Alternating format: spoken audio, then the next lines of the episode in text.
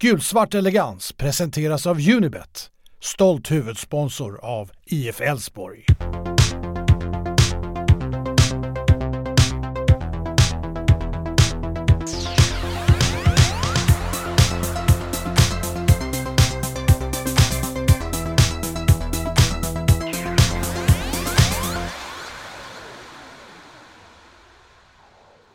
Hej och välkomna till podden Gulsvart Elegans, eh, Älvsborgspodden i exil lite grann. Eh, vi sitter nämligen i Göteborg och poddar allihop. Eh, inte så viktigt för, i sammanhanget kanske längre som det var tidigare när vi hette Gulsvart Göteborg, om ni känner igen oss sedan den tiden. Men eh, vi har ju, eh, apropå det temat, en match här i veckan mot IFK Göteborg på måndag. Eh, Nya Ullevi, det vill säga den stora Ullevi som skulle den ibland kallas i folkmun numera eftersom det är svårt att hålla isär de här arenorna. Så det blir ju lite Göteborgs eh, touch på den här podden också faktiskt, eh, just på grund av den matchen, inte så mycket annat kanske. Eh, men eh, vi kommer också att eh, highlighta det faktum att eh, allsvenskan ju har dragit igång igen här efter EM-uppehållet. Sverige åkte ju ur EM som alla vet, men eh, idag drog allsvenskan igång igen. Vi har haft två matcher. IFK Norrköping vann toppmöte får man väl ändå säga, även om Peking sladdade lite inför den här matchen. Eh, med 3-2 hemma mot eh, Malmö i en ganska välspelad men extremt varm match. Ska jag, säga. jag såg eh, stora delar av den i alla fall och det var en ganska bra match. Båda lagen såg, såg ganska skarpa ut och eh, trots värmen så eh, var tempot ganska högt. Så att det var, eh, båda ändå gott någonstans eh, kring höst, hösten här. Och sen har vi också haft en eh, vinst eh, för Degerfors mot eh, Östersund här. Eh, så båda hemmalagen vann, har vunnit hittills i den här omgången. Så vi sitter ju på lördag kväll här helt enkelt och poddar. Eh, och det är också två lag då som har gått förbi oss i serien eh, genom dessa segrar, i kraft av dessa segrar. Så att, eh, det finns mycket att spela om här på måndag. Men vi börjar i en helt annan ände tänkte jag.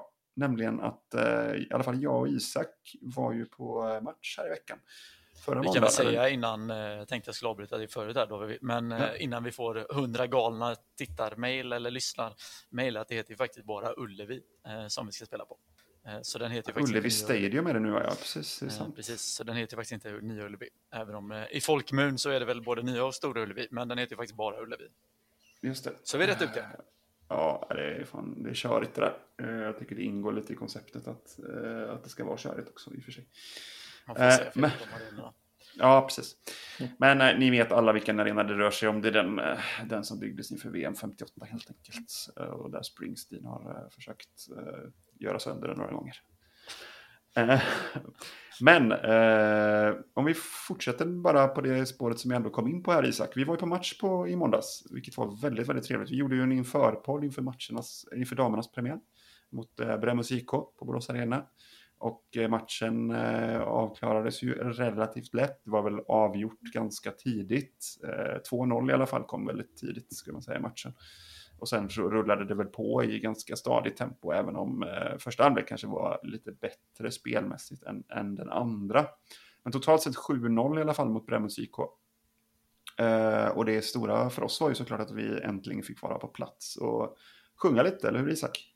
Eh, ja, men verkligen. Eh, det var ju en eh, väldigt härlig upplevelse och ja, men bara åka bil till Borås, eh, Borås Arena med dig Stadig och även Sara i bilen. Ehm, och liksom ja, men gå in på arenan, se på Elfsborg, och få stå kvar där inne alltså, och ja, men verkligen sjunga sportersångerna liksom, och sjunga ja, men, om Borås och, som fyller 400 år också ska vi sägas eh, samma dag. Eh, och sen ja, men bränna av en Via Gulsvart Älvsborg och massa andra sånger. Så att, eh, en riktigt härlig, härlig upplevelse var det i eh, tisdags faktiskt var ju matchen. Eh, ja, just det, ursäkta.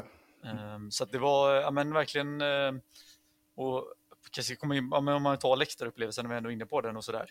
Man kan tycka, ja men fasen, det var 500 som var maxtal då, jag vet inte, vi kanske var 300 på plats, jag har ingen aning. Jag har inte sett någon publiksiffra. Eh, men det var ju ändå, alltså det är klart att det inte riktigt blir som, som, som innan, men det var ju ändå en klacksektion och vi stod eh, alltså tillsammans, det var ju avstånd och sådär, men det var ju ändå, alltså det var ju ändå en klacksektion med folk och det sjöngs ändå på ganska bra under matchen. Ehm, så att det kändes ju ändå att även om vi bara var ja, några hundra på plats och vi kommer vara 3000 mot Örebro då förhoppningsvis, ehm, så är det ändå en nästintill normal upplevelse. Åtminstone var det nu på dammatchen. Jag tror herrmatchen kommer det vara ännu mer restriktioner om avstånd och hit och dit. Uh, och lite mer ja, seriöst runt omkring kanske. Eh, men eh, det är verkligen en härlig upplevelse och jag kan verkligen rekommendera folk att köpa biljetter till Örebro-matchen för att eh, nu, är, nu börjar fotbollen på riktigt. Och visst, det är inte fullsatta läktare och klacksektion och bortastå och hit och dit, men det är ändå, alltså det går att skapa stämning på Borås Arena och det kommer vi kunna göra både mot Örebro och Östersund här det blir ju också en liksom liten fin clash någonstans mellan den här breddfotbollen som jag också personligen eh, bottnar och älskar väldigt mycket. Eh, och någonstans eh, elitfotbollen eftersom den sker på en arena som vi ju alla känner som en elitfotbollsarena och eh, just att ändå inramningen blir ju väldigt speciell. Med, eh, det blir ju, Borås Arena är ju rätt tacksam akustiskt, eh, minst sagt, även långsidorna faktiskt. För det studsar rätt bra när det är tomt och det studsar rätt bra när det är mycket folk också såklart. Men eh, så att det blir ju liksom ändå en, en, bra stämning och det var en jäkla adrenalinrush och få gapa av sig eh, en hel del. Eh, så det var verkligen någonting som gav mer smack och man är ju ruskigt sugen på att gå på fotboll nu. Så ta nu den, det tillfället i akt och, och gör det så mycket som möjligt. Sen ja, verkligen. Ja, så, sen totalt sett, alltså spelet i matchen.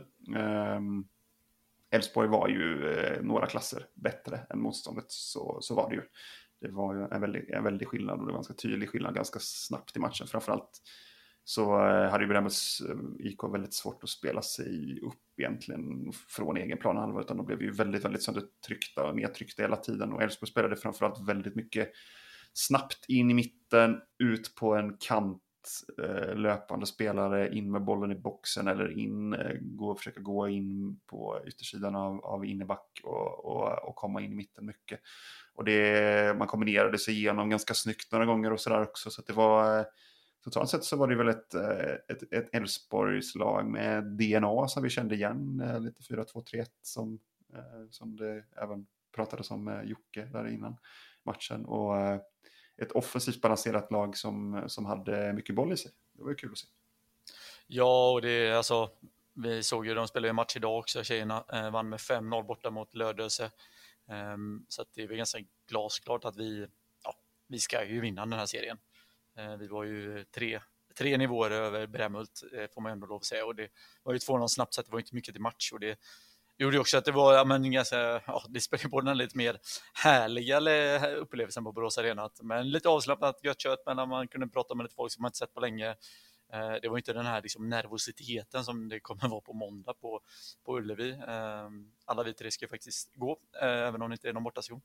Ehm, då kommer det vara på ett helt annat sätt, för att det är klart att vinner man med alltså, 7-0 och man känner att man är totalt överlägsen, och det hade ju säkert kunnat bli ja, några mål till. Så, ehm, men eh, det var några härliga individuella prestationer, två långskott i krysset. Mm. Ehm, jag kan verkligen rekommendera, nu ska vi se bara så att jag säger rätt här, men eh, Boråskanalen tror jag, eller Borås Fotboll eller liknande på Youtube som lägger upp, det är sök på Elfsborgs damer, eh, som har lagt upp både hela matchen men även framförallt ett sammandrag då på alla mål och lite andra situationer. Så att, kika in där och titta på målen. Det, det var härligt att se Elfsborgs mål på Borås Arena. Ska vi välkomna in Ahlgren i podden även om han inte var på matchen? Nu får vi göra det. Jag, jag, du, hoppas att du är riktigt avundsjuk för det var, det var en jävligt kul upplevelse faktiskt. Det, var det låter ju fantastiskt att det var en 300, drygt 300 personer och eh, Borås 400-årsjubileum och en eh, ja, derby då kan man säga och vinna med, med eh, tämligen komfortabelt och sen även följa upp det då med en ytterligare steg här. Så det är ju fantastiskt kul att eh, Elfsborg eh, liksom ändå börjat så pass bra och fått den liksom pangstarten som man verkligen hoppades på att det har infriats på något sätt här. Så att, eh, fem hemmamatcher eh, och en är avverkad så att man får ju passa på på de fyra eh, fyra eh, matcherna som är kvar på hemmaplan, för det är ju sex bortamatcher och fem hemmamatcher, eh, i och med att det är en enkel serie för damerna i division 3 västra. Eh, dam, eh, division 3 västra. Eh, så att där har man ju en jättebra och kul att, att det har varit det. Så jo, det är klart man var lite avundsjuk på, på er att ni fick, eh, fick den här möjligheten att göra. För det var ju lite, lite som jag förstår också, lite in, några trevliga personer inne som var och tackade av innan, eller startade, innan matchen började också. Det var väl några Borås-profiler där. Pelle Hög. Ja, det var, ja, Pelle, ja, precis. De lämnade över en tröja för att Borås fyllde 400 år då. Um, så att, uh, men verkligen ta chansen, det är härligt och jag menar vi har inte fått gå på fotboll på ett och ett halvt år så då får man verkligen ta alla chanser och uh, jag kan verkligen som både Stadig är inne på att alltså verkligen slå ett slag för även damernas matcher. Uh, det är lite mer avslappnat, lite mer härligare och lite mer enklare och Gulliganerna sköter kiosken, man kan köpa korv och lättöl och ja, allt möjligt så att en härlig upplevelse, ta med polaren och gå på Elfsborg, det är alltid kul. Kul. Ja, cred också till eh, Guldganerna som bemannar kiosken och höll igång det. Det var Verkligen. bra. Det, var, det gav, gav mycket eh, värde tycker jag. Även om, jag vet inte hur mycket intäkten blev, men det var, ja, det gav det var en stor utgift för mig i alla fall. Så att,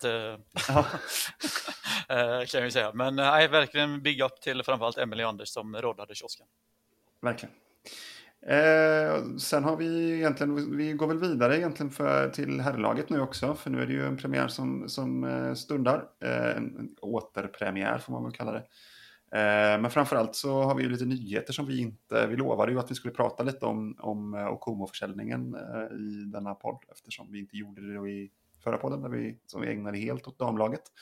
Så eh, vad säger ni? Okomo såld lite skiftande siffror i olika medier, men någonstans mellan 30 till 35 miljoner är väl det som eh, känns som... Ja, jag, ser, jag såg att Expressen hade något låg, lägre siffra, men att det pratades mycket klausuler där. Eh, men eh, någonstans i de, eh, den häraden i alla fall. Vad, vad, säger vi? Och det blev ju, som vi har berättat tidigare, Gent. Ehm, vad säger du David där? Eh, vad tycker du om försäljningen? Det, är ju, det var väl på något sätt oundvikligt på något sätt. Det är ju, Okomo har ju spelat på, på en ja, på en helt annan nivå sen han kom året innan där och fick spela sex matcher och sen även i år då. Så att, eh, nej, jag tycker att han har varit riktigt bra. Eh, så att man ser ju att, att det var en klassspelare som vi en gång hämtade in då för, för två miljoner. Så att det var ett fynd. Så att det är ju jättekul att, att, att man har visat att, att man kan vara, eh, att Elfsborg kan vara ett eh, en bra miljö för många spelare och eh, komma in då. Så att, klart, självklart att Okomo har visat att han tagit nästa steg och jag kan ju bara onekligen önska honom lycka till här nu och att han fortsätter att visa hur, hur, bra han är och att han tar Belgien med storm där på något sätt. Det är otroligt bra spelare och jag tror att han kommer att få starta där för att de har ju någon form av omstart där. Ja, det enda som är, väl lite som men Oskar Paulsson skrev i sin krönika på borås det enda som är, känns lite tråkigt med försäljningen är att ja, just eh, Gent och ett, ja, ett, ett, gäng i Belgien som visserligen då är såklart väldigt mycket bättre och rikare ligor än allsvenskan, men det är klart att man gärna hade sett honom i något, eh, ja, men, någon av topp fem-ligorna, eh, alltså Serie A eller La Liga eller Bundesliga eller ja, England. Ehm, eller Frankrike för den delen. Så att, det är väl det, men det är klart att alltså, han har också bara ett år kvar på kontraktet, har i bara ett och ett halvt år alltså, europeisk fotboll i sig. Eh, inte heller purung, alltså han är ändå 23-24 där någonstans. Eh, så att då få 30 miljoner för en sån kille, det är visserligen extrem kvalitet, men eh, hade han varit 20 och eh, ja, haft lite mer historik eller varit, eller varit 23 och haft mer historik då, då hade vi kunnat få ännu mer pengar och längre kontrakt och sådär. Så att det, det får man verkligen hatten av till alla inblandade. Eh, och det här spär ju på också. Alltså vi, nu har vi, börjar vi verkligen bygga ryktet igen för att Elfsborg är en utvecklande klubb där vi, ja men vi har alltid haft en, eh, en aura av oss och en eh, bild av oss internt i Sverige att vi är en väldigt så här, klubb som släpper fram talanger och ger dem chansen utomlands när, när det kommer vettiga bud.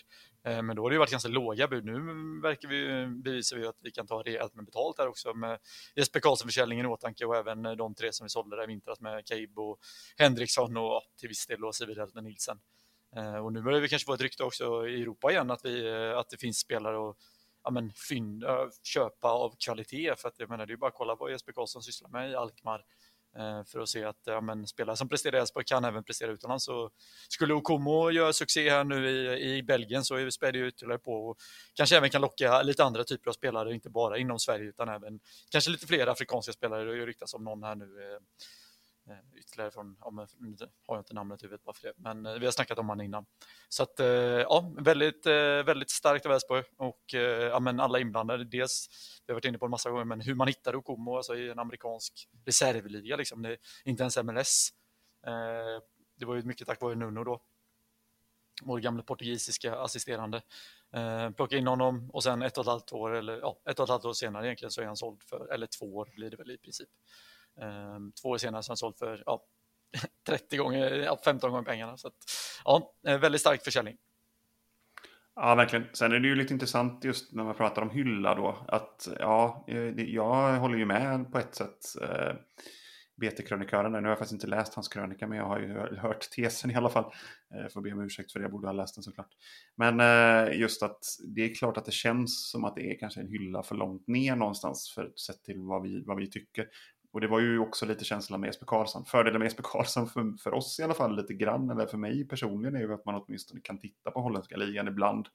Eh, det gör ju mig, ger ju mig ett litet värde Eh, det hade ju varit roligare, det pratades ju lite om franska klubbar exempelvis. Det hade ju varit mycket roligare på ett sätt, för det hade man ju, då hade man ju kunnat titta mer på de klubbarna. Nu är det så, belgiska ligan går ju inte på svensk tv och det, det är väl inget man hade suttit och tittat på heller om man ska vara ärlig. Men fransk match kan man ju slå på ibland, framförallt när de möter någon storlag så kan det vara kul att titta på exempelvis Seneli, det brukar man ju göra ibland. Liksom, så att, och det var likadant när Alkmaar mötte Ajax och, och PSV så, där, så är det ju ändå en fin match. Liksom, man ser det. Plus att Ajax, eh, Alkmaar gjorde ju bra men det som också är lite intressant i sammanhanget är ju att det redan nu är ganska tydligt intresse för Jesper Karlsson att gå ett steg uppåt. Det pratas ju om Bundesliga-lag exempelvis på den övre halvan. Så att, eh, Eh, det är väl egentligen så att han borde ha gått dit eh, rent kvalitetsmässigt redan när han gick från oss. Men det är svårt att sälja till de där klubbarna. Eh, även om vi egentligen kanske borde kunna göra det. Så är det, man måste upp ett pinnhål. Och det är väl egentligen bara Malmö som har den positionen där de kan sälja till en topp 5-liga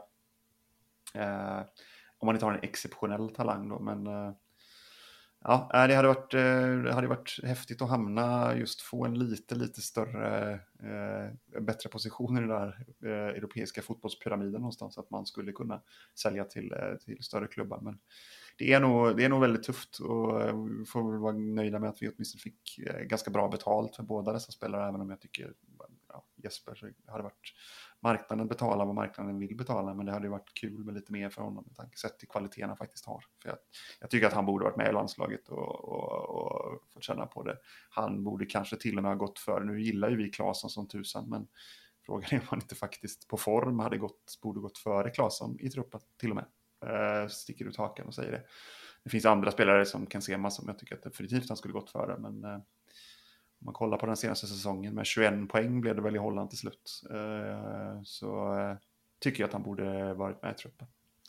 Absolut. Eh, alltså, han borde varit, givetvis varit med i EM-truppen. Men sen får man också komma ihåg, vi har ju haft lite otur i våra tidigare försäljningar, men vi har alltid varit ganska bra på att få in de här liksom vidareförsäljningsklausulerna. Och de har ju egentligen inte gett en spänn. alltså för att, ja, ja men Hiljemark lämnade väl i princip gratis från PSV. Han var ju ändå, spelade ju ändå ehm, ja, han gjorde ju ändå bra ifrån sig i PSV den tiden. Eh, Hult, Johan Larsson och så vidare. Det blev ju ingenting av de försäljningarna. Seneli gick ju sönder. Eh, eller jag gjorde ju braksuccé där i Heerenveen, men sen också spelade i princip ut kontraktet. Eh, Claesson, när han skulle sälja så gick han, eh, blev han skadad och så vidare. Så att vi har inte fått så mycket pengar på ja, de här vidareförsäljningsklausulerna som, där potentialen finns. Och nu har vi ju ja, förmodligen en på, eh, ja men vi har en på Jeppe Karlsson och jag antar att vi har någon form, någon hyfsad storlek på Komo också. Och där eh, ja, men Jeppe ryktas ju redan om 100 miljoner plus. Eh, och kan man då få in det 10-15 procent av det, eller 20 kanske till och med, ja men då har vi ytterligare en 10 till, ja, eller mellan 5-20 miljoner till. Eh, så det får man också ha i åtanke när vi säljer de här lite mellanstegen. Eh, så det gäller att försöka punga ut pengar därifrån till vettiga klubbar som sen är duktiga på att sälja vidare och där är ju Genk Eh, och Gent och Alkmaar, eh, alltså det är ändå klubbar som är duktiga på att sälja ytterligare ett steg uppåt då, som inte kanske vi når själva. Eh, istället för att hamna i Krasnodar och ja, Bröndby och allt vad fan man kan hamna. Eh, så att eh, där, eh, på så sätt så är det bra klubbar vi säljer till. Ja, det är kul. Det är riktigt kul ändå att vi får de här. Så att, eh, precis som du nämnde, och Komo och Karlsson har ju en, en, en enorm potential att, att, att verkligen att aktivera den vidareförsäljningsklausulen. Krasnodar var ju, eh, hade man ju enorma förhoppningar på Claesson att, att han skulle och, och, ta det steget. Men sen är det ju, är, är det tillfälligheter som gör så att eh, vi håller tummarna och hoppas på att både Komo och Jesper Karlsson eh, eller framförallt Jesper Karlsson tar kanske nästa steg och att Okumo akklimatiserar sig och eh, får ta en startplats och visa hur, hur, hur, hur, hur bra han har varit i Elfsborg även i Belgien. Sen har det ju haglat in nyheter eh, ut efter försäljningen av Okomo på nyförvärv in istället och det är ju nästan, eller ja, det är ju roligare att prata nyförvärv in än, än försäljningar egentligen. Även om det alltid är kul att spekulera. Vi har ju spekulerat hejvilt där var Okomo ska hamna. Men eh, vi har ju sett eh, massa rykten om mer eller mindre klara nyförvärv. Ehm, Gustav Lagerbjälke här från eh, Västerås Eh, mittback 20 år. Eller fyller faktiskt 21. Eh, född 2000. Eh, så att han är 21 år till och med. Um, ryktas ju i princip vara klar. Det var väl Disco och Daniel Kristoffersson som gick ut med det och då får man ju, ja, det är ju väldigt, väldigt, väldigt sällan att han har fel. Ehm, så det blir väl lite, lite förvånad att vi ens plockar in en mittback med tanke på att vi har Tjoka och eh, Leo Väisänen då, plus McWay som gjort det bra och Broman som är eh, ytterligare ett steg ner då. Men ehm, det, kan, ja, det, det har ju ryktats om Leo innan och um, man ser väl en stor potential i den här Lagerbjälke då. Jag har absolut ingen koll på honom. Nej, alltså jag har ju försökt någonstans att, titta på lite superettan-matcher då och då, men det är ju också liksom, nu har det varit under våren också utan publik och sen kontrasten mot EM har ju ändå varit ganska stor så att nej, jag har inte riktigt eh, famlat efter fjärrkontroller lite för mycket när man har suttit och tittat på superettan tyvärr. Så att jag har faktiskt inte koll, så mycket koll på dem eh, på Lagermjölke. Jag vet ju att Västerås har släppt in ganska lite mål i alla fall. Det var väl en grej man såg. Eh, man snabbt tittade på det statistiskt. Men eh, ja, 20-årig mittback, ja, 2021, det är väl eh, det är väl en vettig, vettig investering om vi nu tänker att vi kanske ska, eh, ska eh, ändå ersätta Como någonstans. Men jag, alltså jag kan väl hålla med, sett till hur mycket skador vi har haft på backlinjen och lite avstängningar och, och, problem här under våren ändå så, så kanske det är rimligt att man följer fyller upp truppen om man nu inte tycker att eh, Gustav Broman riktigt håller eh, allsvensk klass än. Eh, jag tror definitivt att han kan göra det för att det är, det är en fin spelare de gångerna man har sett honom. Men, eh, men det är klart att eh, Jimmy vet ju mer än vad jag vet såklart. Eh, han har I övrigt alltså, vi har två... Ja, jag ville bara flika in där, sorry. Eh, flika in där. Han har ändå varit i IFK Stocksund där innan och gjort tydligen väldigt bra i Stockholm där och sen flyttade han till Sollentuna. Eh, och eh, såldes då till Västerås så sent som, som i, i början av december i, i i fjol så att han har ju inte varit där särskilt länge. Eh, så att han har ju verkligen gjort en, en raket eh, raketdelar. Så att eh, han har ju rätt ålder, verkar vara rätt så målfarlig för att vara mittback. Eh, spännande så sätt. Så att jag tror att det kan vara ett, ett bra nyförvärv av, av de indikationer man har, har fått där. Jag eh, växlar nog med, någon, med en, eh, en, tidigare tränare som han hade i, i Stocksund där. Och då, han lovordar honom ganska hårt. Så att, eh, så att jag tror att det kan vara en bra, ett bra nyförvärv. Eh, under förutsättning att eh, man, ja, som man tror då att kanske Väisänen eller, eller Maudo då, eh, någon av dem är kanske redan på väg bort. Eh, eh att, den potential, att, det kan, att det kan finnas då och då är han en, en, eh, en spelare som går rätt in och utvecklas på, när, när vi fortfarande har den breda, eh, breda besättningen på backlinjen. Det känns riktigt bra. Så att, eh, då får han ju chansen där och vi vet att vi har en, en solid backlinje även efter Okomo. Och vi ska också säga att eh, han var i Sollentuna och där var ju Christer Mattiasson tränare så vi har säkert fått några ord, ord därifrån, eh, vår gamla anfallare. Och sen så ska vi också säga att alltså, vi vet ju inte riktigt vad som händer bakom kulisserna. Vi har varit inne på Väisänen och, och eh, Jarchoui här, men det kan ju vara så att McWay vill bort för att han vill känna att han ska ha, liksom, äh, vara ordinarie för att ta nästa steg och det, det blir ju att han petas ner ett hack nu eh, istället då, så han kanske är fjärde mittback igen. Eh, och andra val på högerbacken. Det är ju jättebra för Elfsborg som spelare, men frågan är hur länge McWay vill ha den rollen i truppen. Så att, eh, man vet aldrig vad som, är, vad som händer i truppen. Det, eh, men det är väl rätt strategi här. Vi går vidare på nästa värvning. Yes, vi hade ju två stycken 19-åringar också som vi pratat om. en från BP och en från Helsingborg. Om vi börjar med BP. Faraj va? Precis, Omar Faraj. Eller Faraj. Omar Faraj. Eh, gjort mycket mål. Eh, nio mål på tio matcher var det väl? Va? Eh, ja, eller elva matcher. Något sånt där. Någonting sånt där. Eh, det var tio mål på elva matcher möjligen. Jag tror att det var ett, ett mindre mål än match. I alla fall en, en minnesregel jag hade försökt ha. Men eh, jag har ju också fått väldigt, väldigt bra vitsord. Men det är klart, i division 1. Eh, nu är BP en lite speciell förening där kanske. Eh, bra på att utveckla talang, minst sagt får man ju, får man ju säga. Eh, vad säger vi där? Eh, en eh, forward, ganska så dyrt för att vara 19-åring, men det är samtidigt en forward såklart som har eh, ändå presterat någonting på, på seniornivå. Säger du det David?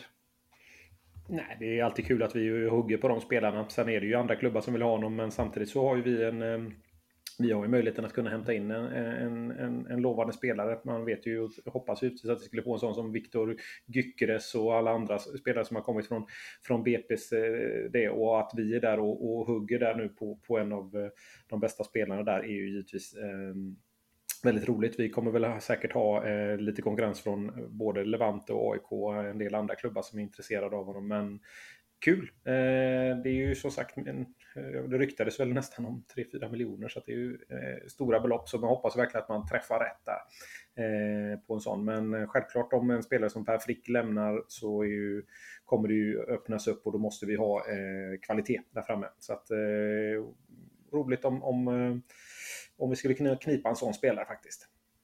Det är ju ett jävla underbetyg till AIK om vi lyckas värva honom för att det är ju ändå, han är väl gammal AIK-kille tror jag till och med. Eh, från deras akademi från början, om jag inte minns helt fel, jag kan vara ute och cykla. Ehm, så att, han hamnar hos oss då, att vi är där uppe och hugger också i liksom, vad ska man säga, Stockholmsklubbarnas eh, ja, men region och eh, ja, men det är ju deras hemmaplan Bromma. Alltså, det, de har väl scouter på BP sen de är fem år gamla ungefär, höll jag på att säga. Men, eh, så att vi hugger på de spelarna känns ju kul på ett sätt. Eh, sen Alltså jag vet att jag hade lite diskussioner med Olle Larsson på Twitter idag. Han har varit lite halv, inte kritisk i sig till värvningarna, men att vi ska satsa på våra egna talanger. Och jag tycker det är lite svårt att bedöma de här nio målen på elva matcher eller tio, ja, vad det nu är i division 1. För att det är väl klart, jag tror att Jakob Love spelat i BP så hade han nog också kunnat göra nio mål eh, mm. i division 1. För att så bra ser han ut, tycker jag i alla fall. Eh, så det blir lite så här, ja, vad sänder vi jag gillar ju, att, eller jag tycker det är helt rätt att vi börjar värva de här 19-20-åringarna runt om i Sverige som är de bäst, hetaste talangerna på sina positioner. Det visar ju verkligen att vi, vi fattar hur vi ska ta nästa steg, göra lite Norrköpingsmodell eller ja, eh, för all del, eller ännu större modeller ute i Europa. Eh, eller Borde Glimt liknande. Men eh, det är klart att man måste också eh, ha lite plats åt sina egna talanger för annars kommer vi inte kunna locka 15-16-åringar igen eh, som vi har varit så duktiga på tidigare. Så det är väl en liten ny strategi från Elfsborgs sida att innan kanske vi högg bara spelare när de var 15-16 till gymnasiet eh, och kanske värva någon, alltså så här Jesper Karlsson och Claesson och så här, några spelare när de var 19-20. Men nu är, ja, nu är det en väldigt tydlig trend att vi siktar in på just den, den typen av värvningar. 17 till 20-åringar i lägre divisioner och jag tror att det är helt rätt, men eh, det gäller att ha lite avvägning där också. Eh, sen behöver ju just centrala anfallare behöver ju verkligen någon så att just den här killen, eh, som sagt, vore ju väldigt kul, men eh, ja, eh, lite svårt att bedöma nio mål på elva matcher. Det är ju, vi, visserligen behöver vi spela det där på något sätt, men, men samtidigt, vi har ju tre stycken nior egentligen eh, ja. i truppen redan och vi spelar med en. Så att det är ju lite, plus att vi, det kommer ju folk underifrån, det är inte så att liksom, utan bakom Kopelav att det inte finns någon. Liksom. Eh, men eh, så jag kan absolut hålla med Olle delvis, men det är också svårt att bedöma det utifrån. Nu har man ju dessutom inte kunnat titta på ungdomsfotboll och det har inte funnits Gothia Cup eller någonting att gå på. Så jag har ju absolut noll koll på eh, Elfsborgs eh, ungdomslag just nu tyvärr. Eh, och ja, det... man får ändå ha med sig också att vi flyttade till oss att upp fem spelare till mm. årets säsong. Och visst, de kanske inte har spelat så jättemycket, men de är ändå med i truppen och tränare och allting. Så att, eh, jag menar, det är ju ingenting som säger att Faraj kommer gå rakt in i startelvan direkt. Liksom. Nej. Eh, och sen var det också en helsingborgare. Eh, då går vi upp ett, snek, ett steg ju, för Helsingborg befinner sig ja, i superettan. Ja, det är inte så stor skillnad, för Helsingborg ligger ju långt ner. Men å andra sidan så är det väl också delvis för att de har typ fyra matcher mindre spelade på grund av att Granen var tvungen att vara med som maskot i EM-truppen. uh, helt jävla sjukt. Men ja. Uh, men i alla fall, en Helsingborgsspelare. Tappat namnet såklart, men ni har det. Adam Keid. Precis. Yes. Eh, man hör bra saker. Eh, som sagt, återigen, inte sett någonting. Och det har ju inte gått att titta på Helsingborg nu eftersom som sagt Granen är med som maskot. Så, eh, ja, säkert jättefin spelare. Helsingborg är också en klubb som normalt sett brukar ha en ganska bra akademi. Så det är väl helt klart intressant det absolut bästa med den här värvningen är att Helsingborg är skogstokiga för att eh, de säljer till oss då, eller om det nu blir så, det vet vi inte, men eh, de tror ju att de ska sälja till Inter eller Man United kanske, men eh, de får nog inse sin plats i näringskedjan, att det är ett mittengäng i bästa fall i Superettan och Elfsborg är en toppklubb i Allsvenskan. Så att, ja, det, men det är ju härligt att läsa alla reaktioner från helsingborgare. Sen om man läser mellan raderna också så ser man ju nu vet vi att Helsingborgares verklighetsuppfattning är sådär, så det kanske inte säger så mycket att de tycker den här killen är bra, men eh, han verkar ju jämföras en del med Gigovic som såldes dyrt eh, och var väldigt hypad. Så att, eh, innermittfältare som jag har förstått som, eh, det stod ytter i den artikeln från Expressen, men det verkar inte riktigt stämma.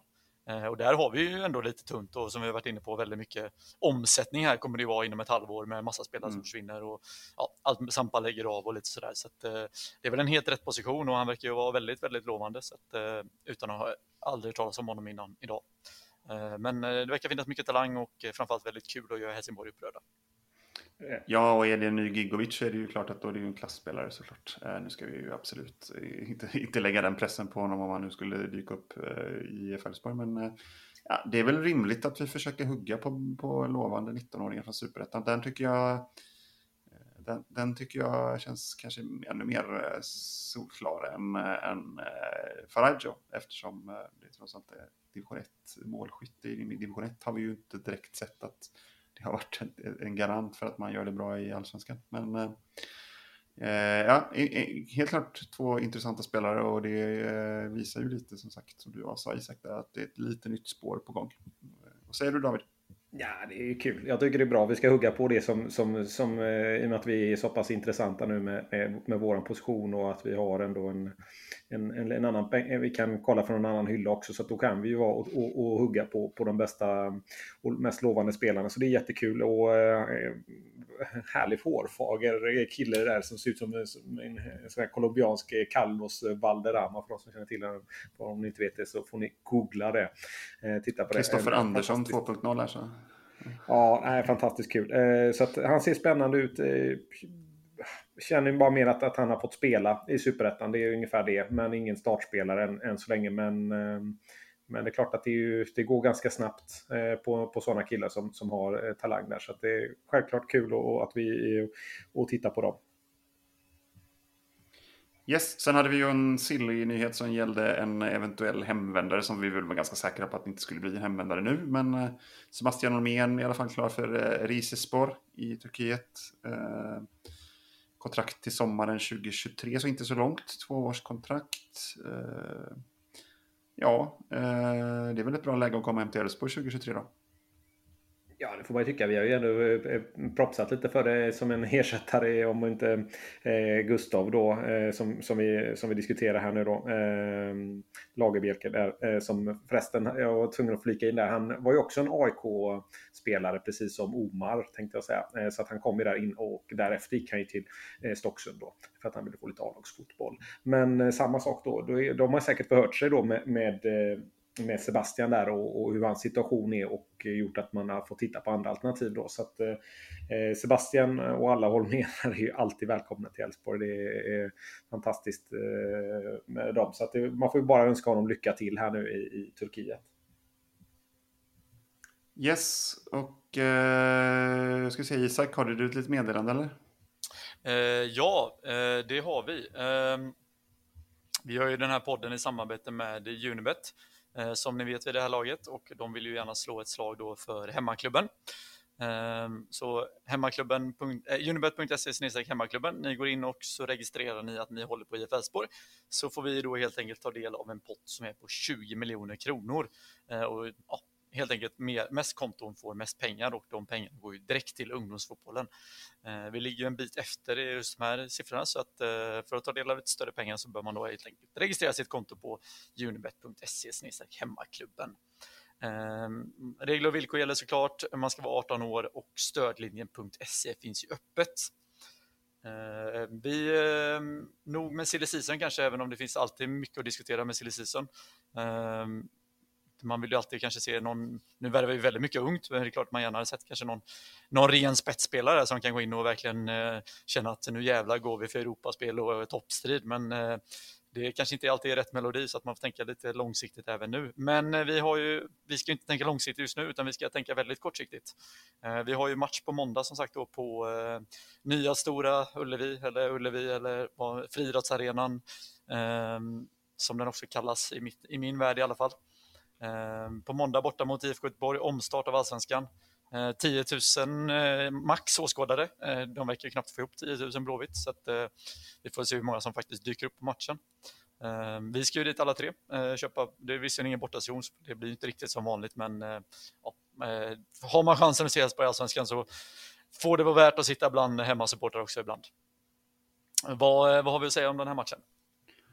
Uh, ja, uh, vi börjar med uh, elvan. Vi har ju några spelare tillbaka ändå. Vi har ju Rasmus Alm tillbaka från skada. och sen har vi ju uh, Väisänen tillbaka från landslagsuppehåll. det är väl egentligen det som vi tänker är en förändring lite grann från våren. Väisänen spelade ju lite grann i våras men inte så jättemycket. Eh, men Alm tillbaka. Eh, spelade ju mot Malmö den träningsmatchen där vi förlorade. Ehm, vad säger vi där? Hur påverkas laget av att han är tillbaka?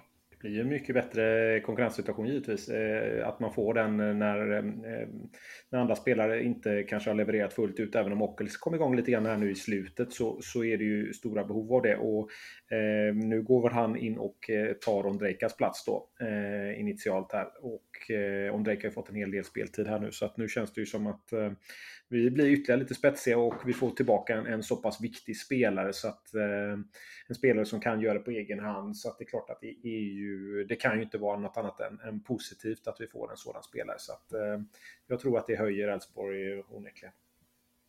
Ja, man glömmer ju lätt, alltså, när vi snackar nyförvärv och hit och dit så, alltså Rasmus Alm, vad gjorde han? En, en och en halv halvlek, en och en halv match ungefär i, under årets vårsäsong och han var en av våra absolut bästa spelare 20, 2020. Eh, vi har fortfarande Simon Olsson på skadelistan som också var en av, ja, kanske vår bästa spelare 2020. Eh, så där har vi ju verkligen två, ja, men, två spelare som kan driva vår offensiv som blir då, jag gillar ju inte riktigt det här uttrycket, men ja, som nyförvärv i princip. Eh, så det är klart att det är en jättekvalitetshöjning. Sen är jag absolut inte lika säker som dig där Adrian att eh, Ockels eh, kommer spela utan jag tror den platsen är väldigt mycket up for grabs. Jag tyckte man såg redan under vårmatchen här att Ondrejka gick om Ockels i rangordningen och vi har dessutom Alexander Bernhardsson som borde kunna vara redo för en startplats. Ehm, så att ja, den platsen till vänster där, jag är långt ifrån säker på att Jeppe Ockels startar. Jag hade nog valt Bernhardsson på, eh, till vänster och eh, Alm till höger faktiskt. Ehm, den här matchen. Sett till eh, de prestationer som Bernhardsson ändå hade. Jag tycker det är lite, lite läge för honom att gå in här. Men vi får väl se. Han borde väl rimligen vara i, i bra fysisk form nu också. Efter att ha tränat upp sig där under uppehållet och ändå fått lite speltid. Så jag skulle nog också, jag håller med dig där Isak. Jag tycker att den platsen är definitivt inte given att Ockel ska ha. Även om han gjorde något mål här på slutet så, så eh, känns Bernhardsson eh, spelmässigt eh, bättre än, än Jag tror det är bra i alla fall att vi, att vi blir mer svårlästa. Det, det tror jag är en viktig del, att de inte riktigt vet vad vi, vad vi kan slänga in här nu, utan att vi har så pass eh, dubbla alternativ på vänstern, dubbla alternativ på högerkanten eh, och dubbla alternativ eh, framåt också, alltså på spets-spets då. Eh, så där finns ju många alternativ och eh, det tror jag eh, kommer göra det jobbigt för Stare eh, och kompani eh, på måndag. Här. Så att, eh, jag är väldigt positiv att vi har de här delarna och Alms in, in, eh, intåg, eller åt comeback här nu gör ju, gör ju det bara hela mycket, mycket, mycket bättre. Då. Så att, eh, sen vet man ju inte hur, om han är fullt, om han är, kan, kan spela eh, 60, mer än 60-70 minuter eller om man eh, så. Men oavsett så är det ju en väldigt värdefull eh, och viktig spelare för oss att, att kunna att ha nu och, och kunna slänga in eller, eller starta med. Så att, eh, jag, jag är bara positivt och Bernhardsson gjorde ju fantastiskt bra eh, på dem och hyllade honom ganska hårt här nu i de sista matcherna innan eh, uppehållet där då. Så att, eh, så att det, det, det är riktigt bra. Vi har många alternativ. Det känns ju dock lite som att det är, mm, ja, det är en jävligt viktig match här på måndag för att eh, Alltså vi var inne, och var inne på det i sin monolog där i början, att eh, det är ju nu både Norrköping och Degerfors eh, krypit om oss, spelat lika många matcher, vi ligger sexa just nu. Eh, det är väldigt tajt där bakom, nu torskade dessutom Malmö idag, så att en vinst så börjar man ju vara ikapp dem igen, men det, nu har vi Blåvitt borta här nu då på måndag såklart, och sen så Örebro hemma och Östersund hemma. Samtidigt som vi har haft två riktiga, nu har inte jag sett så mycket av träningsmatcherna under uppehållet de säger väl inte så jättemycket heller, men det är ändå två förluster där mot Varberg och Malmö och eh, avslutningen på allsvenskan var inte, ja, Norrköpingsmatchen var jättebra då som vi var inne på. Eh, men innan dess så var det en dacket och det har sett, ja, det har varit lite så här till och från under våren så att det är väldigt mycket nu att eh, vi måste komma upp i form direkt. Och vi vet ju också att vi alltid är totalt jävla urusla efter ett uppehåll. Vi minns ju de här 5-1 mot Åtvidaberg och allt vad fan vi har torskat med. Så att, och, och dessutom på Ullevi där vi inte vunnit sedan Hedenhös, så att, ehm, på Stora Ullevi i alla fall. Så att ehm, ja, ja, ja sådär magkänsla inför måndag faktiskt. Om vi fortsätter lite grann med truppförändringarna här då, så eh, jag tänker vi kan ha lite fanservice för, eller fanservice kan vi inte ha, men det var helt fel ordval. Men om vi ska ha lite ändå frågor som jag tror att media och eventuellt utomstående ställer sig. Välkommen till Elegans fanservice-segment. ja, precis. Men om vi tänker oss lite grann att en bredare allsvensk publik kanske ändå har en liten fråga framför sig inför den här matchen och det är nämligen vem fan ersätter Josef Okumo? Vi har väl egentligen ett utropstecken på den frågan, även om Okomo såklart är en fantastisk spelare och vi kan inte ersätta honom fullt ut. Så är ju ändå ersättaren redan klar och på plats, eller hur Isak? Ska vi säga det i kör eller? det kan vi göra. Maudo, Maudo Lamin Jarjoué. Tjocka, ja. som jag säger. Absolut. Jag vet inte, är han, han tillbaka är nu, eller hur vet vi? Vet vi status där? Nej, det vet vi inte. Han var med i träningsmatcherna. Eh, och Alm var ju med också i träningsmatcherna. Att, eh, ja, han var med mot Malmö i alla fall. Eh, det såg jag. Ehm, så Nej, han startade mot Varberg i alla fall, så vi får anta att han är tillbaka. Absolut. Och, eh, och även ju... mot Malmö, så att han är tillbaka. Han är tillbaka. Och det är ju en, en mittback av väldigt hög allsvensk klass. För er som inte har sett honom så mycket så är det ju så. Det är, vi som lyssnar på den här podden har ju i regel sett honom ganska mycket såklart. Men det är en, det är en väldigt fin mittback som också har ganska bra offensiva kvaliteter, även om man såklart inte har riktigt den uppspelsfoten som, som Mokum har. Eller hade, eh, har fortfarande. Eh, han är inte avliden. Eh, bara gått till tråkig belgisk mittenklubb. Belgien-döden. Eh, ja, eh, lycka Nej, men till är alltså, Tjocka tror jag alla har koll på, men vi får ju framförallt får man komma ihåg att Leo Väisänen då är tillbaka. Absolut. Eh, och han var ju ja, i princip lika bra som Mokomo i fjol. Ja. Ehm, så att vi har ju ett ruggigt bra mittbackspar, det går inte att komma ifrån. Precis, och vi har ju även lite bredd där med tanke på att McVeigh faktiskt har fått lite matcher och varit väldigt bra. Så att eh, det, det, det, vi är inte så oroliga över mittbackssituationen eh, kan vi väl konstatera. Eh, men däremot en sak jag är lite orolig över det är ju att eh, Simon Olsson fortfarande inte är tillbaka vad det verkar. Eh, han kommer ju inte att spela mot Blåvitt. Eh, hur påverkas vi av det David? Nej, det är, det är en otroligt duktig spelare som kan hålla i bollen och kan styra tempot och som vi har sagt flera gånger är, är väldigt värdefull för oss. Att, eh, I vår andra plats var han en av de som, som var tongivande och gjorde sin bästa säsong i Elfsborg. Eh, så det är klart att en sån spelare är ju hela tiden saknad då. Eh, nu tycker jag att vi har haft så pass lång tid att att jobba in eh, någonting annat då. Eh, men självklart kommer en sån spelare in så, så är det ju en nyckelspelare direkt som, som är inne på banan. Så det, självklart hade ju det varit väldigt nyttigt i en, en, en eh, på måndag att ha en sån spelare då. Så att eh, eh, jag vill ändå bara flika in, även om vi sa det här med transfer, när hade vi stängt där. Men jag såg att BK Häcken var inne och ville hämta in Samuel Gustafsson. Jag hade gärna sett att vi hade kapat en sån spelare om vi inte hade kunnat få in en spelare som Rodén. Men, eh, men det var bara lite sådär. Jag tycker att det, det hade varit intressant med någon, någon riktigt offensiv eh, spelare. Så, så, att, eh, så det är klart, Simon Olsson är tung. Eh, att han, inte, att han inte är med. Men nu tycker jag ändå att vi har haft många spelare som har fått komma in där. Att eh, det, så att våra yttrar eh, får, ju, får ju jobba lite mer och sen får vi väl förhoppningsvis överraska att någon tar taktpinnen och höjer sig nu lite på mittfältet här. För att det, det behövs för att vi ska kunna få med oss ett favorabelt resultat på, på, på måndag. Alltså, jag måste säga att det är ju nu när du sa det Aljan, alltså det, det hade ju varit en riktig håll käften-värvning med Samuel Gustafsson och lite den typen av värvningar som de man gärna skulle vilja se att ja, men nu, nu går vi för Europa, nu är vi topplag i allsvenskan. Um, så att eh, ja, det är bra, bra förslag på värvning. Uh, men eh, som ni, alltså vi har ju sagt det, jag har sagt det tusen gånger tror jag i den här podden, men uh, alltså, jag tycker Simon Olsson är vår MVP. när Simon Olsson var bra i fjol, då var vi jävligt bra. Eh, och det har vi otroligt saknat så att, eh, jag hoppas att han kommer tillbaka snart. Ehm, så det där är, ja, mitt, ja vårt mittfält, eh, mm, ja, jag vet inte. Det är mycket, vi har inte riktigt fått något som klickar Jag tycker inte Römer, Gojani, alltså individuellt har väl, och Holst, individuellt okej, okay.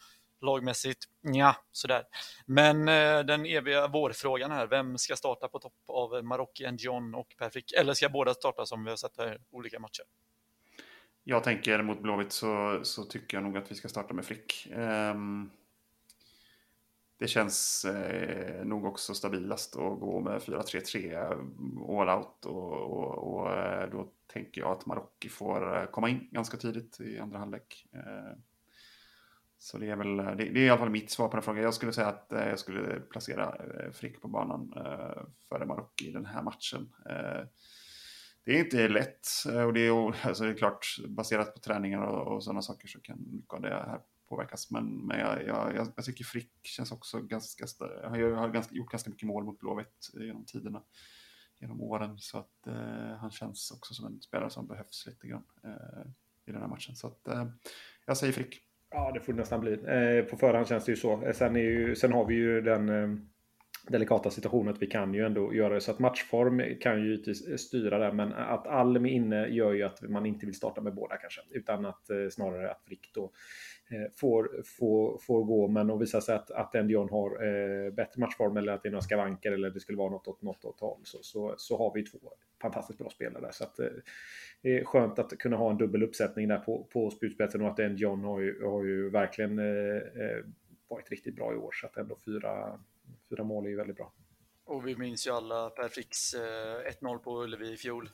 Um, så att eh, han har ju en god historik och vi har mål mot Blåvitt eh, framförallt i Göteborg. Så att, eh, jag säger också Per Frick från start, eh, första målskytt. Vad hade vi? Sex gånger pengarna på Unibet tror jag. Så att, eh, det, eh, det låter som ett eh, bra spel. Har vi några andra Unibet-chanser eh, här kring matchen som vi har spanat in? Jag tittade ju lite grann på första målet där med lite tips från, från coachen här. Så 1.93 första målet i Elfsborg. Det det, det är ett ganska bra Jag är lite sugen på den här att vi ska asfaltera Blåvitt. Det känns ju, borde ju på tiden att vi verkligen kör över dem. Eh, så att eh, Elfsborg vinner båda halvlekarna till 11 gånger pengarna. Känns ju, mm. hade ju varit trevligt i alla fall. Den jinxen, den jinxen. Men det, ja, det ska det komma ihåg, eh, alltså sagt, podden är ju sponsrad av Unibet. Det man ska komma ihåg är ju att alla spelen finns ju på unibet.se såklart. Regler och villkor gäller och du måste vara över 18 för att spela. Plus att det finns också såklart stödlinjen.se om du skulle ha problem med spel eller känna någon som har problem med spel. Yes. Så uh, över till din favoritpunkt, David. Uh, ja, favoritpunkt och favoritpunkt, jag vet inte. Uh, vi har ju Blåvitt, Blåvitt på plats uh, nu. Vi kommer ju vara där alla tre. vi kommer att sitta blandat eftersom det inte finns någon borta sektion. Det finns ju en, en hemmasektion där säsongskortsinnehavare på, på kommandobryggan, heter det väl va? får sitta, men de kommer att stå såklart.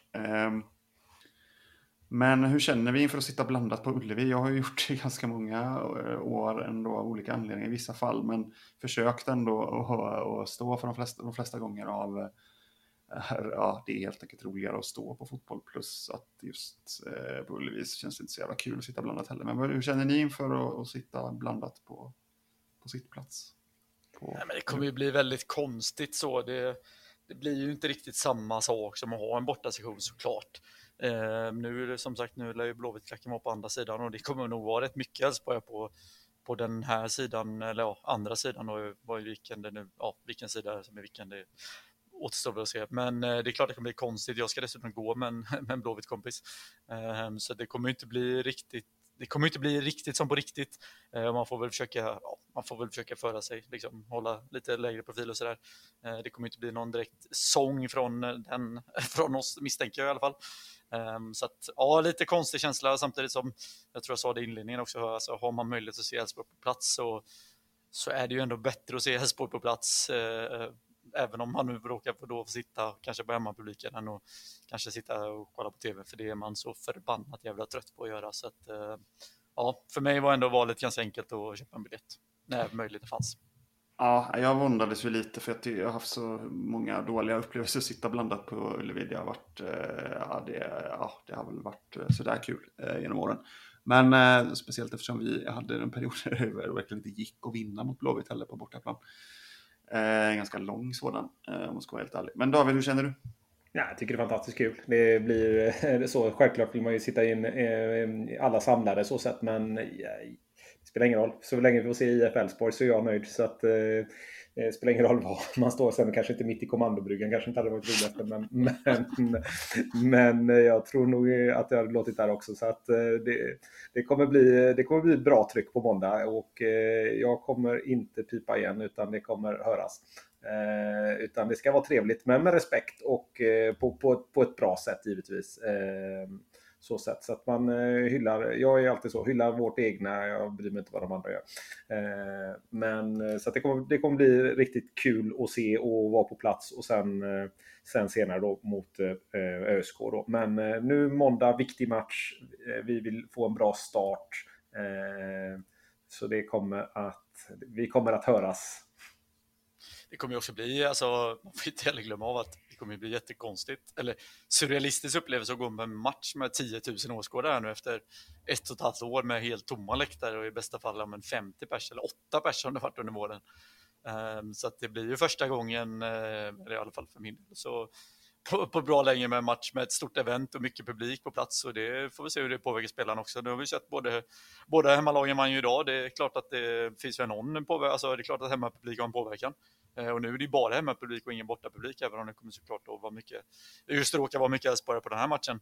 Ehm, så att eh, det blir ju ändå en faktor som som trots allt kommer tala för IFK Göteborgs fördel. Eh, det går inte att komma ifrån att eh, det är en fördel att spela inför hemmapublik och finns det då ingen organiserad bortastöd så är det ju en ännu större fördel att spela hemma. Så det blir ju intressant att se nu här närmsta tiden. Eh, vi får se hur reglerna kommer förändras framöver, det vet vi inte riktigt. Men det är klart att det finns en hemmafördel. Vi kan bara se EM här nu. Alla, alla fyra lagen som spelar i semifinal hade ju alla sina tre matcher i gruppspelet på hemmaplan. Så att, det är klart att hemmaplansfördel är en fördel i fotboll. Det går inte att komma ifrån. Om vi tittar lite, det, så här, jag har ju sett Blåvitt ganska lite i år. För det, jag, jag har varit ganska opepp på att titta på, jag har tittat ganska mycket på, på, på topplagen i år. Men det har blivit lite att man inte riktigt har... Sågningen! Ja, men det var ju inte, det, det är inte därför egentligen, utan det är väl mer... Eh, ja, jag har sett eh, spridda skurar egentligen av Blåvitt och de har väl varit ganska oförlösta minst sagt. Och, eh, jag har sett ganska vilsen ut, framförallt offensiven har ju varit väldigt trubbig och väldigt... Eh, det känts ogenomtänkt och ostrukturerat på något sätt. Eh, nu har de Micke Stare på väg, eller han är ju klar och eh, har jobbat på med laget här under uppehållet. Och han är väl eh, känd för att vara ganska mycket, men inte ostrukturerad. Eh, vad tror vi, liksom, hur, hur tror vi Blåvitt kommer att se ut på, på måndag? Nej, de har väl också lite, lite frågetecken hur de, hur de ska, ska jobba. De har ju lite spelare på väg bort och lite olika delar så de står också i en, en funderan och de har jobbat med sin Hamisic som nu har lämnat. Eh, och um, det är klart Grande att, Marek. jag har inte en seger med honom så att, eh, det kan vi ta i en annan grej. Men eh, det är klart att det är ju... det, det var ett snyggt mål han gjorde i alla fall i en av matcherna. Där. Så att, eh, nej, jag tycker att Blåvitt har en del, som sagt, en hel del problem framåt. Eh, det har man ju sett. Eh, Siktorsson har väl varit den som har varit bäst och det säger väl en hel del. Eh, skulle jag säga att han har varit varit där. Så de saknar verkligen någonting framåt och Berg är ju inte klar och Wendt är ju inte klar. De kommer den 15. Så, att, så att där kommer vi säkert kunna ha en, en fördel. Eh, Sana har ju varit där uppe och, och fått eh, spela någon släpande roll och varit duktig i, i, i andra delar. Men eh, sen tror jag nog att Blåvitt blir bättre utan Hamisic faktiskt. Eh, Hamsik David, nu måste du... Ja, Hamsik. Eh, jag trodde det var något slovakiskt uttal som eh, Ahlgren hade hittat på. Ja, jag, tyckte, jag har alltid sagt det, men jag, jag låter det vara osagt. Jag kör på, på, på Stadig som gillar Napoli, eh, så att, eh, han har nog säkert rätt. Ehm, så att, ja, nej, jag tror nog att de kommer ha en hel del eh, problem där. Eh, sen har de ju en del spelare som, som, eh, som de ändå skulle kunna sätta in. Nu är Tern tror jag fortfarande borta också. Jallo är på till, till Anderlecht och eller på väg till Anderlecht. Tolitsson gick till eh, någon Lommel eller vad de hette. Eh, också belgiskt eh, lag där. Så att de har väl en del problem där och känns väl inte riktigt helt stabila. Sen är ju, är ju Stad en sån cynisk tränare som gör det. Så sen tror jag inte att han kan göra underverk på, på den här tiden. Utan vi har väl en bättre läge, även om vi då har Okomo borta så, så känns det som att vi har vår ersättare som är inspelad och allting där. Så att jag tror att Blåvitt har, har, har eh, mer huvudbry än vad vi har eh, inför den matchen. Vi har ju allt att vinna. Så att eh, jag sticker ut hakan och tror att vi har en jättechans att, att eh, eh gå därifrån med, med poäng. Ja, analyserar man den här matchen liksom spelare för spelare och, och sådär, alltså, utan att vara, alls eh, underskatta liksom, eh, underskatta att, att Blåvitt, alltså det blir inte klappkass, men alltså det är samtidigt en backlinje som ser jättedålig ut, tycker jag. Eh, jag tycker Bjärsmyr är kass faktiskt. Eh, jag sticker ut hakan. Jag tycker att han är riktigt dålig. Dock så brukar han göra helt okej okay matcher ofta mot oss. Eh, och jag tycker att eh, totalt sett, sett till att det också blir en lite ny situation som Isak var inne på. På en arena där vi har en dålig historik, alltså det spelar in. Ja, oavsett vad spelarna säger och så, där, så är det, det är en faktor. Eh, och eh, jag tror också att de här första omgångarna nu när publiken faktiskt är tillbaka lite, att det kommer att kommer att ge hemmaplansfördelen tillbaka för många lag och det kommer nog vara en ytterligare slagsida på det eh, här eh, första, första rundorna. Så att, vi ska komma eh, ihåg, det... förlåt jag avbryter där Robin innan du spinner vidare på något annat, men vi ska komma ihåg att Kalle Johansson är tillbaka i IFK Göteborg, missat hela vårsäsongen och det är ju trots att det är nu kanske, ja, många pratar om Berg och Wendt som kommer, de kommer ju inte vara med på måndag då eftersom de kommer när fönstret öppnar den 15 juli, men Kalle Johansson var ju tänkt att vara försvarsgeneralen i IFK Göteborg. Eh, var, såg vass ut på försäsongen, eller okej ut på försäsongen i alla fall. Så det är ju en jätteförstärkning ändå, för att det är som jag håller med dig, eh, deras övriga försvar har ju varit bedrövligt. Eh, ja, alltså deras mittbackar har ju varit, alltså deras mittbackspar under våren har ju varit allsvenskans sämsta. Jag, jag, jag, menar, jag är allvarlig där. Däremot så tycker jag att eh, mittfält och, och anfall har hållit, hållit ihop det hyfsat. Liksom. Det har varit, eh, det har, och de, de, har, de har gnetat tillräckligt bra med roller, men det är ju en jättedålig backlinje. Så, och det ska vi så, såklart, det ska vi, det ska vi såklart, eh, såklart eh, lyckas göra någonting mot. Om vi, om vi är ett topplag så, så är det här ett lag som vi ska kunna prestera helt okej anfallsfotboll mot.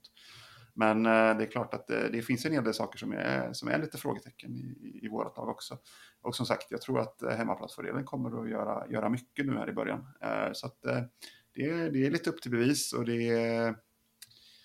Ja, eh, jag har inte heller så jättebra känslor inför matchen, eh, Isak, får jag vara helt ärlig och säga. Eh, men ja, det det är ju inget, inget jättematerial de har att, att, att hålla, att hålla på med Blåvitt. Och eh, jag tycker Simon Tern skulle definitivt behövas i det där laget också. Eh, för att få lite mer kreativitet och, och lugn på mittfältet än vad det är. Det är ganska ah, det är lite halvsvajigt tycker jag, centralt på mittfältet också. Eh, framförallt Erlingmark som jag tycker är gravt överskattad. Eh, så att, eh, ja, det, det är en match som vi ska kunna vinna, men eh, det känns fortfarande inte riktigt bra på förhand. Det gör det inte.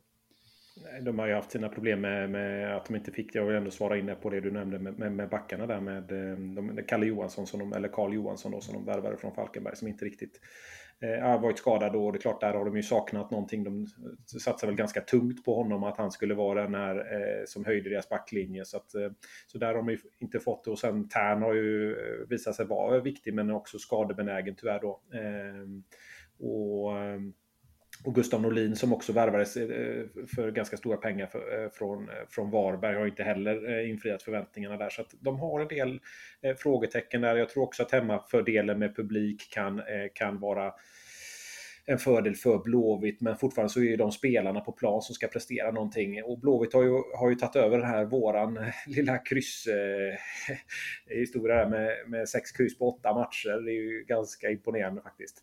Eh, att man har fått så fem raka kryss.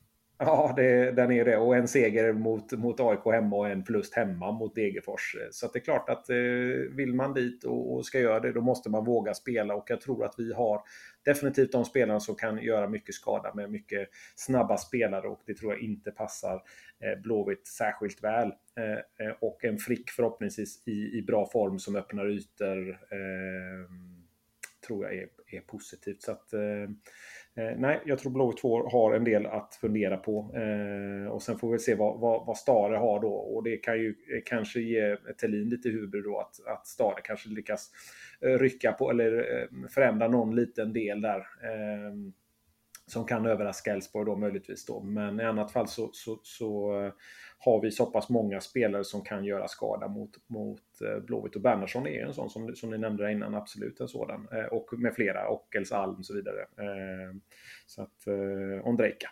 Så att det är kul. Det är kul. Ja, och vi får ändå vi får komma ihåg att de har ju faktiskt hållit nollan både mot Djurgården och AIK i år. Men det är klart att...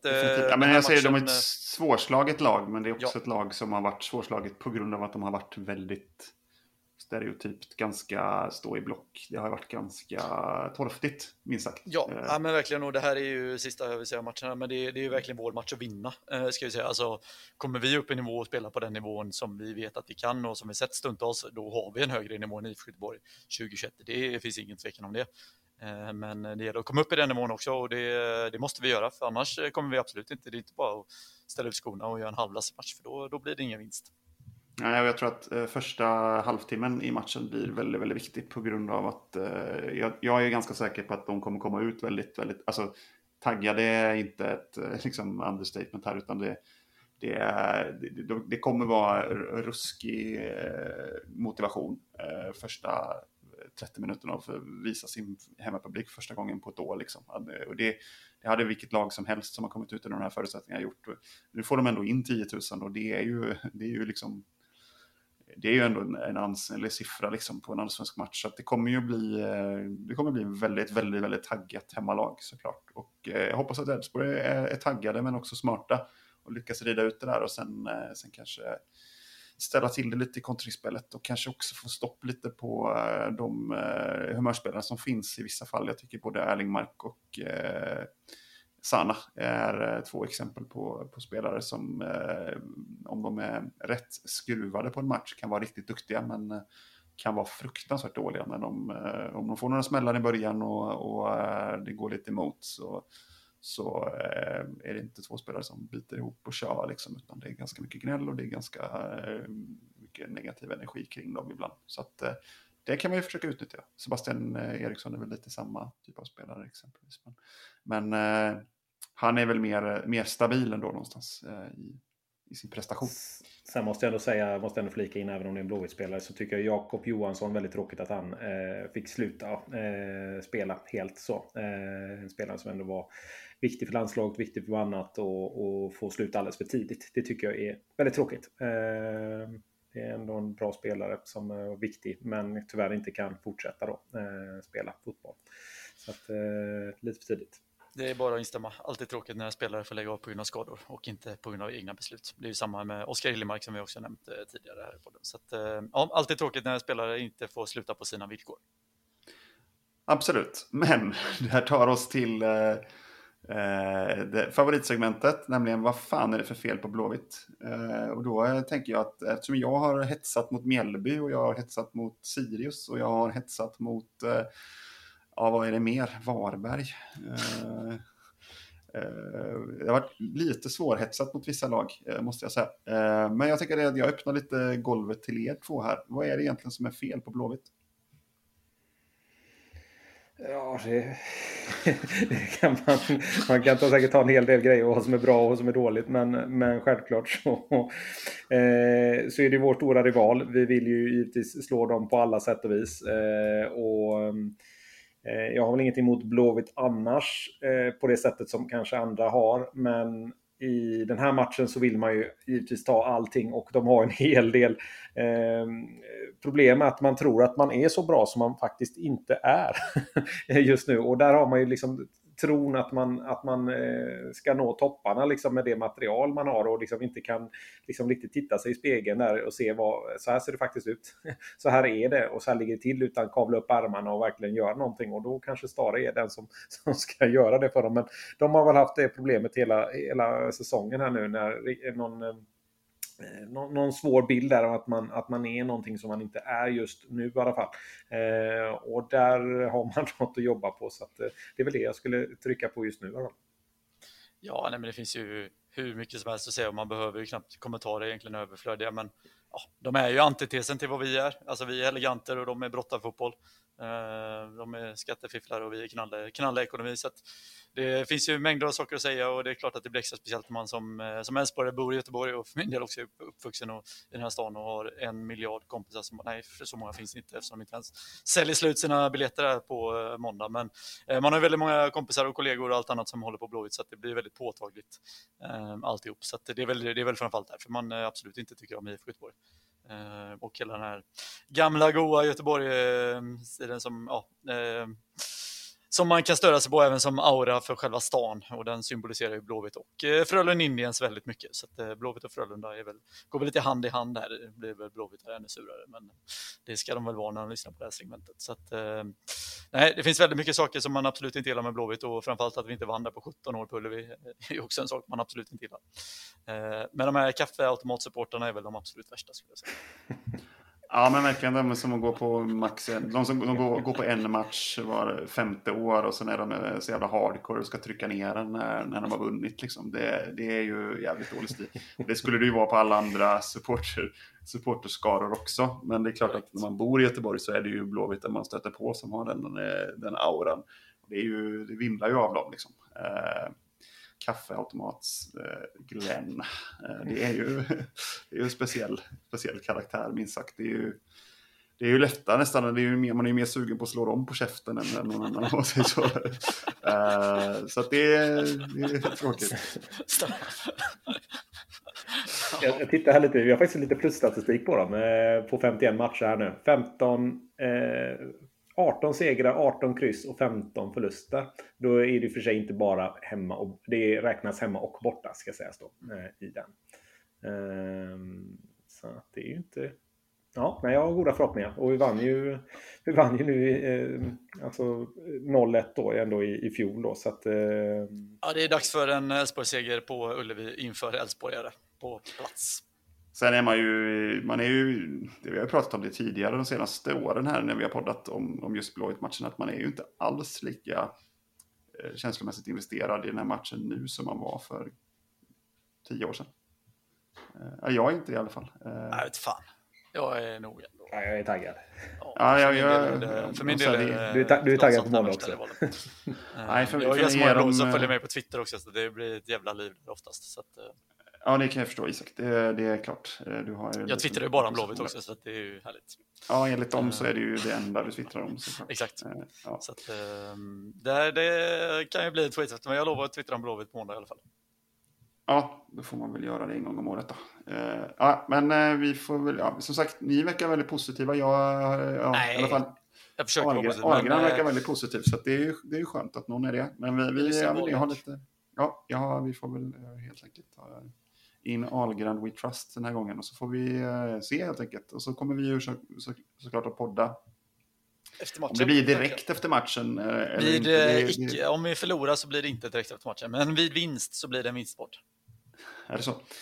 Ja, vi har inte riktigt bestämt hur vi gör, om, vi, om det blir direkt efter match eller inte. Men vi kommer i alla fall att podda i veckan som kommer här, eh, såklart. Så det, det ska i alla fall bli otroligt härligt att få se Elfsborg på plats eh, nästa vecka, både på Ullevi men också på Borås Arena på söndag. Så köp, era, köp seriebiljetter, det finns ju trots allt ganska många biljetter kvar. Eh, fördelaktigt pris, eh, alla matcher ingår, alla hemmamatcher i både Allsvenskan och Division 3 då, västra eller södra eller vad det nu heter. Och Europa.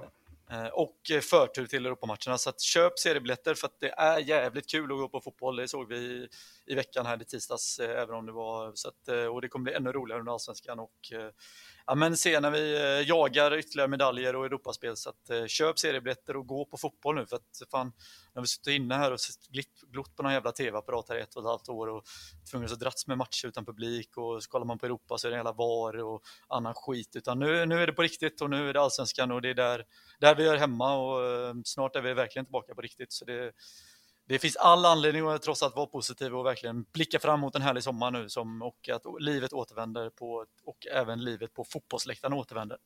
Eh, det ska bli förbannat jävla skönt att få stå och gapa, gapa och sjunga för IF Elfsborg. Så att, eh, köp era seriebiljetter och gå på Borås Arena för att eh, det är trots allt det här som är lyckopillret i livet. Det är det som är kryddan.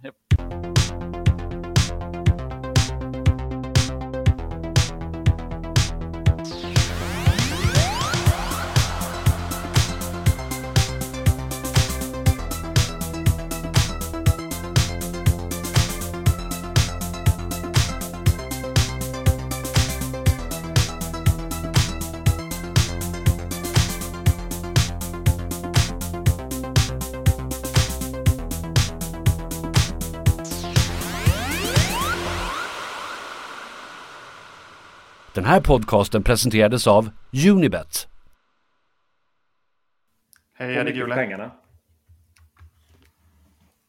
Framåt för seger skulle ni säga där killar. Ja, Men, eh, här är Gule. Framåt för seger. Framåt för seger. Ja, det är Ha det bra. Hej. Krossa Ja. Blåvitt.